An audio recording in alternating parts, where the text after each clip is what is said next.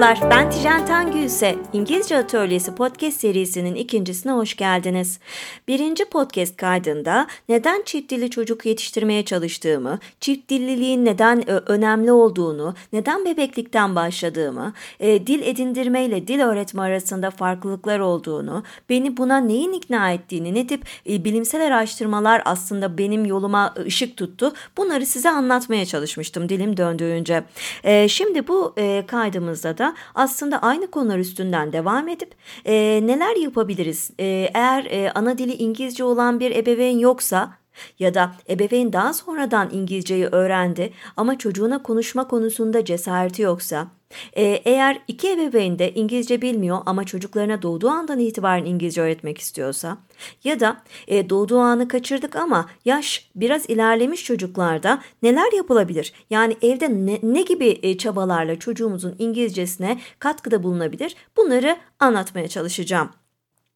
Öncelikle e, birincisi dil öğrenmek öyle görünüyor ki artık günümüzde çok büyük bir ihtiyaç. E, ileriki yaşamlarında çocuklarımızın e, iş hayatlarında oldukça faydalı olacağını, akademik hayatlarında işlerine yarayacağını e, kendi yaşamlarımızdan bile öngörebiliyoruz. Modern e, küresel yaşamın getirilerinden bir tanesi de bu.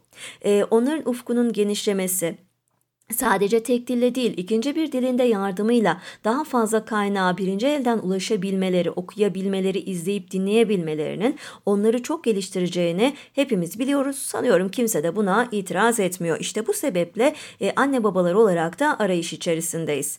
Şimdi bir dil bu kadar önemliyse bu dili edindirmek, öğretmek bu kadar mühimse, e, kolejlere işte İngilizce eğitim veren e, okul öncesi kurumlara bu kadar çok paralar akıtılmaktaysa, acaba evde neler yapılabilir ve bebekler bu kadar büyük bir öğrenme kapasitesine sahipse bundan nasıl faydalanılabilir?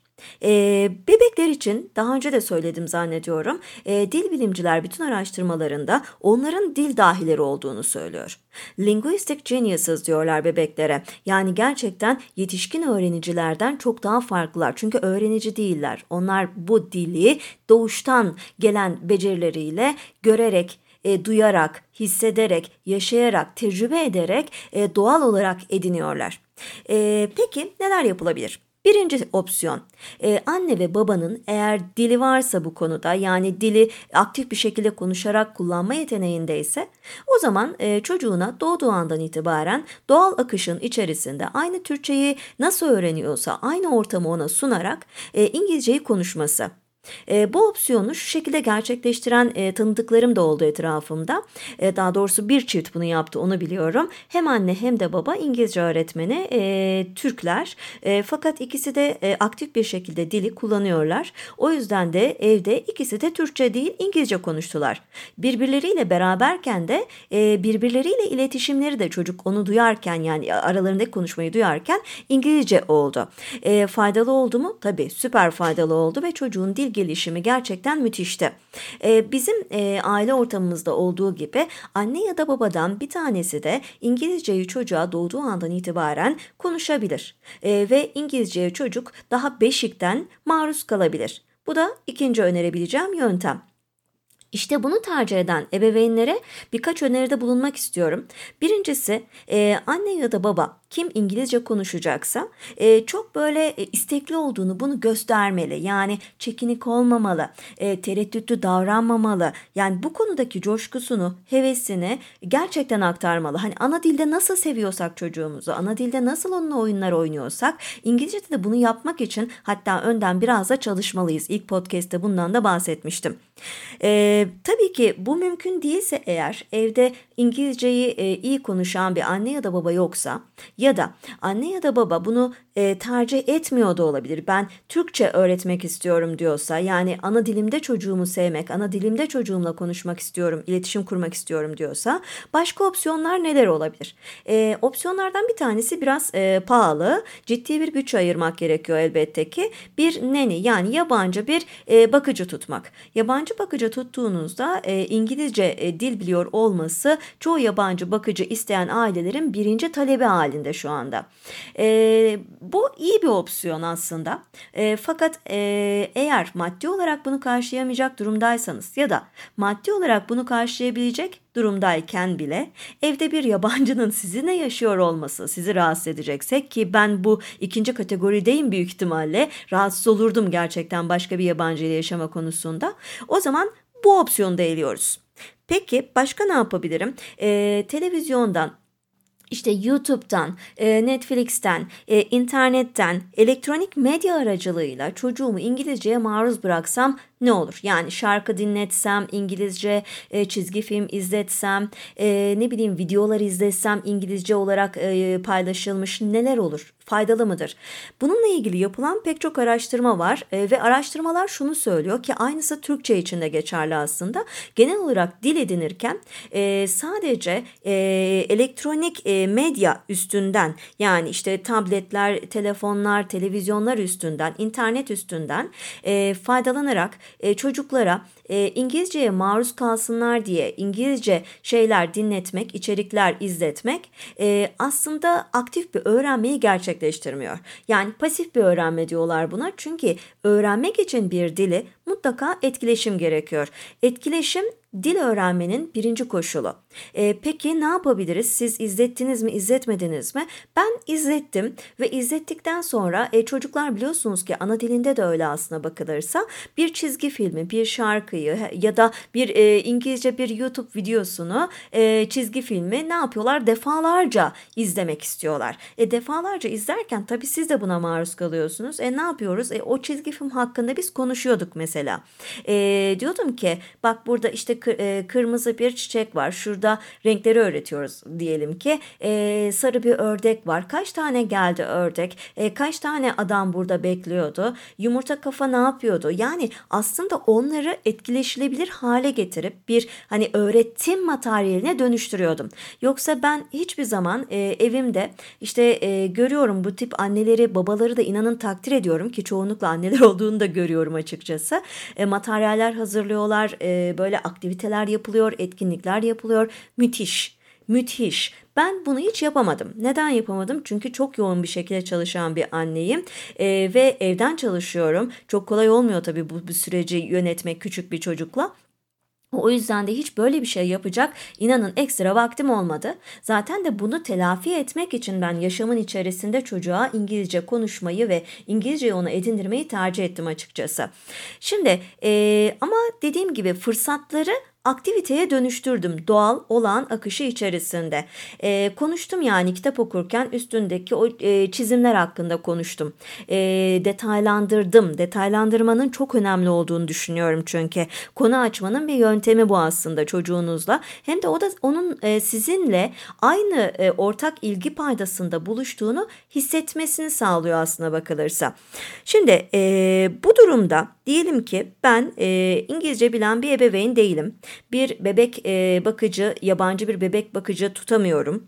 E, televizyon, elektronik medya gibi araçlardan faydalanmak tek taraflı dediniz. E, etkileşim yok. E, etkileşim sağlamak için yine bir anne ya da babanın müdahalesi gerekiyor. Onu da yapamıyorum. Peki bu durumda hani ben ne yapabilirim? Değil mi? Bunları konuşalım. Bu arada etkileşimle ilgili bir notum vardı. Onu paylaşmak da istiyorum. Etkileşim neden bu kadar önemli diye düşünüyoruz ya. E, bir de bana şey soruyorlar. Hani e, mümkün mümkün mü gerçekten iki tane dili, üç tane dili bebeklikten böyle edinmek, öğrenmek? Ee, örnek, en büyük örnek, en büyük vaka örneği bence Hindistan. Hindistan'da e, çok büyük bir ülke biliyorsunuz kalabalık bir ülke e, ve çeşitlilik çok fazla dil konusunda. Yaklaşık e, 1600 ya da belki 1600'den fazla dil var orada. Ve bu 1600 dilin varlığı her kişinin e, gerek evlilik e, yöntemiyle gerek iş yerleri ve başka bir bölgeye taşınma aracılığıyla herkesin en az iki dil konuşmasına neden oluyor. Yani en az iki dil biliyor Hindistan'da yaşayanlar kendi yerel dillerinden. Bu da şu demek oluyor etkileşim olduğu müddetçe ihtiyaç ortaya çıktığı müddetçe e, mecburen e, çok sayıda dil aynı zamanda öğrenilebiliyor. E, bu durumda e, demek ki etkileşimi ön plana çıkarak, çıkararak biz de çocuklarımıza, bebeklerimize bunu gerçekleştirebiliriz. Şimdi eğer bebeklikten çocuğunuza konuşacaksanız neler yapabilirsiniz? Bundan devam edelim isterseniz. Bebeklikten itibaren çocuğunuzla İngilizce konuşmayı planlıyorsanız birincisi dilinizin mükemmel olmak zorunda olmadığını yani mükemmel olmak zorunda değil mükemmel konuşmak, mükemmel bir aksana sahip olmak, acayip akıcı olmak zorunda olmadığınızı bilin. Bu çok önemli. Yani kendinize güvenmezseniz çocuk bunu hisseder. Çocuklar, bebekler gerçekten hisleri çok kuvvetli sizin bir konuda emin olduğunuzu, bir konuda bildiğinizi, bilgili olduğunuzu hissetmek istiyorlar. E, fakat siz zaten bebek dilinde konuşacaksınız. Yani bebek diliyle kastım gidip akademik bir makaledeki bir dil gibi içinde sıfat cümleciği sadeleştirmeleri olsun aman üst düzey bağlaçlar olsun kullanayım demeyeceksiniz. Çok basit bir dil kullanacaksınız. Aynı Türkçe'de yaptığınız gibi. Bence bu yüzden buna cesaret edebilirsiniz. Eğer yurt dışına çıktığınızda ufak tefek İngilizce konuşabiliyorsanız ya da iş yerinde kendinizi ifade edebilir durumdaysanız illaki bir İngilizce öğretmeni öğretmeni ya da İngiliz Dili Edebiyatı, İngiliz Dil Bilimi mezunu olmanıza gerek yok açıkçası ya da mütercim tercüman olmanıza gerek yok. E, mutlaka bu konuda bir şeyler yapabilirsiniz. E, yalnız bir parantez açmak istiyorum ben bu konuyla ilgili. Ee, insanları sanki e, yanlış anlaşılmak da istemem. Hani insanları sanki illaki bir miktarda olsa İngilizce konuşuyorsanız çocuğunuza bebeğinize doğduğu andan itibaren İngilizce konuşun da İngilizce edindirine itmek de istemiyorum. Bu benim bireysel tercihimdi. Beni destekleyen ama desteklemeyen de vardı. Destekleyen e, pek çok makale araştırma vardı. Ben ikna oldum ve denedim oldu. Şimdi siz de ikna olursunuz, denersiniz ama sonuç farklı da olabilir. Yani sonuçta aynı yetişkinler arasında bireysel farklılıklar olduğu gibi daha doğuştan itibaren bebekler arasında da ciddi farklılıklar olduğunu, yani çevre etkisi henüz yokken genetikle bile e, birbirimizden bambaşka farklı doğduğumuzu hepimiz biliyoruz. Yani benimle aynı şeyleri yapan ama çocuğu bir buçuk yaşında konuşmaya başlayan ya da e, benimki iki yaşında başlamışken dört yaşında başlayan başlayan başka çocuklar da olabilir. Yani Hani hatırlıyorsunuz birinci podcast e, kaydında da bahsetmiştim. Acaba gecikme olur mu? İkinci, üçüncü dil işin içine girdiğinde olayı var ya. Evet bu yönde de araştırmalar var. Yani gecikme gerçekleşebilir dilin ortaya çıkışında. Gerek Türkçe gerek İngilizcenin. Bu konuda uyarıda bulunmak istiyorum ve parantezi kapatıp devam ediyorum. Şimdi eğer bebeklikten bir miktar İngilizceniz var ve konuşmak istiyorsanız çocuğunuza birincisi yani comments yani komutları kullanabilirsiniz. Ben bunu çok kullandım. İşte let's go, hadi gidelim. Come here, buraya gel. Go there, oraya git. Ne bileyim, put on your shoes, ayakkabılarını giy. Let's have a shower, hadi bir duş alalım. Basit arkadaşlar. Çok basit cümlelerle, komutlarla çocuğunuzu yönlendirebilirsiniz. İlk önce zaten bunun e, onu konuşturmasını beklemeyin. Bu hareketleri yapması bizim için önemli. Çocuklar kopyalayarak, taklit ederek öğrenirler. Yani let's go dediğimde ben gidiyorsam hadi gidelim. O da gidecektir benimle beraber. Değil mi? Let's go to kitchen. Hadi mutfağa gidelim. Benimle birlikte o da gidecektir. Yani bunu söyleyin komutlarla anlatın, kendiniz de gerçekleştirin. Zamanla çocuk bunu yapmaya başlayacaktır. Anlamının ne olduğunu Türkçe sözlüğe bakmaya gerek duymadan öğrenecektir. Yani yaparak, tecrübe ederek öğrenecektir. Sonra e, ikinci önemli nokta praise yani övün gerektiğinde e, başarıyla onu gerçekleştirdiyse ne bileyim e, işte Let's play this game. Hadi bu oyunu oynayalım dediniz. Çocuk geldi. Beraber başına oturdunuz. Oynamaya başlıyor. E o zaman e, o esnada onu arada great work. Müthiş bir iş oldu bu. Good job cool, super cool gibi bazı övgü e, sözcükleri, ifadeleri, e, sözcük ifadeleri, e, öbekleri de e, söyleyebilirsiniz. Gerçekten işe yarıyor çünkü. Pekiştirmiş oluyorsunuz yaptığı davranışı, tekrar edebilir oluyor. Ee, bir diğeri ki ben bunu sanıyorum çok yaptım. E, observation'lar yani gözlemler. Gözlemlerden bahsedin. Neden bahsedeceğiz ki biz şimdi? Konu, neden konuşacağım ki? Zoraki konuşma diye bir şey olamaz aslında. Zoraki bir ortam yaratmaya çalışsak zaten okul ortamındaki gibi planlı, doğal olmayan bir ortama dönüşür. Çünkü bizim yapmaya çalıştığımız öğretmek değil, edindirmek. Öyle değil mi? Peki ne yaptım? Atıyorum camdan dışarı bakıyorsunuz değil mi? E, diyorsunuz ki wow isn't it a beautiful day? Güzel bir gün değil mi? İşte kapıyı açtınız, dışarı çıktınız. Diyor ki this is a beautiful day. This is a sunny day. Gerçekten oğlum bunu yapıyor. E, çünkü öyle alıştırdım. İşte mesela çıktık dışarı hava çok sıcak. Diyorsunuz ki oh It's so hot today. Yani dışarıda ne var? Ne yok? Evin içinde ne var? Ne yok? Yani oh it's smelling terrible. Korkunç kokuyor. Bir koku duydunuz. Yani o anda ne yaşıyor? Ne hissediyorsanız, duyularınızda neler varsa bunu çocuğunuza paylaşabilirsiniz. Gözleriniz ne görüyorsa, burnunuz hangi kokuyu alıyorsa anlatabiliyorum değil mi? Yani gözlemlerinizi çocuğunuzla paylaşın, onun hakkında konuşun. E bir çiçek gördünüz bahçede. This is a beautiful flower. Çok güzel bir çiçek. Look at that. It's pink, isn't it? Bak Baksana bu çiçeğe. Pembe öyle değil mi? Yani aslında etrafımızdaki hayattan, yaşadığımız ortamlardan daha güzel bir öğretme aracı olabilir mi ki? Ben bunu böyle hissettim, böyle düşündüm, böyle yaşadım. Ee, ve hoşuma gitti bunu uygulamak. Hala da uyguluyorum çünkü bu bizim için bir araç. Yaşam bir araç aslında dili kullanmak için. Ee, bir diğeri e, sorular sorun. Yani sorular sormak gerçekten bebeklikten çocuğunuza konuşacaksanız yapabileceğiniz bir diğer güzel şey. Mesela ne sorabilirsiniz? Ee, diyebilirsiniz, where is your dad? Çünkü babayı ilk öğrenecek değil mi? Where is your dad? Baban nerede? Ufak ufak o size bir şekilde bunu ifade etmeye başlayacak. Ee, tekrar edin mutlaka soruyu. Tekrar çok önemli çünkü. İşte where are your books? Kitaplarınız nerede? Ee, kitapların nerede? Ben bunları yaptım ve yaşadım. Şimdi düşündükçe evet diyorum doğru yapmışım. Aslında çok böyle bunları bilerek yapmadım. Yani içten gelen bir şekilde kendiliğinden olan hani böyle doğal bir şekilde gerçekleştirdim. Ee, ne bileyim do you want some ice cream? Do you want some cookies? Yani bunlar o kadar basit ve o kadar hayat hayatın içinden sıradan cümleler ki aslında ufak ufak bunları kullanabilirsiniz. Yaş ilerledikçe de devam edecek kullanacaksınız mesela. Ee, benim ciddi bir uyarım var aslında bu konuda. E, şu e, öğrencileri nasıl zorlamak ters teperse bir İngilizce öğretmeni olarak bunu söyleyebilirim gerçekten. Herhangi bir alanda herhangi bir konuda öğretmenler bunu çok iyi bilirler. E, çocuklarınız da eğer dile karşı biraz daha doğuştan konuşmadıysanız, biraz daha geç başladıysanız, eğer 2 yaşında başladınız mesela 3 yaşında başladınız. Eğer İngilizce konuştuğunuzda bundan biraz rahatsız oluyorlarsa onu çok zorlamamanızı öneririm. Yani çünkü zorlamak onların dilden soğumasına neden olabilir. Yani onu illaki konuşturmaya zorlamayın. İllaki cevap vermeye zorlamayın. Ya evet siz soru sorun, tepki verin, komutlar verin, övün, bazı gözlemlerinizden bahsedin.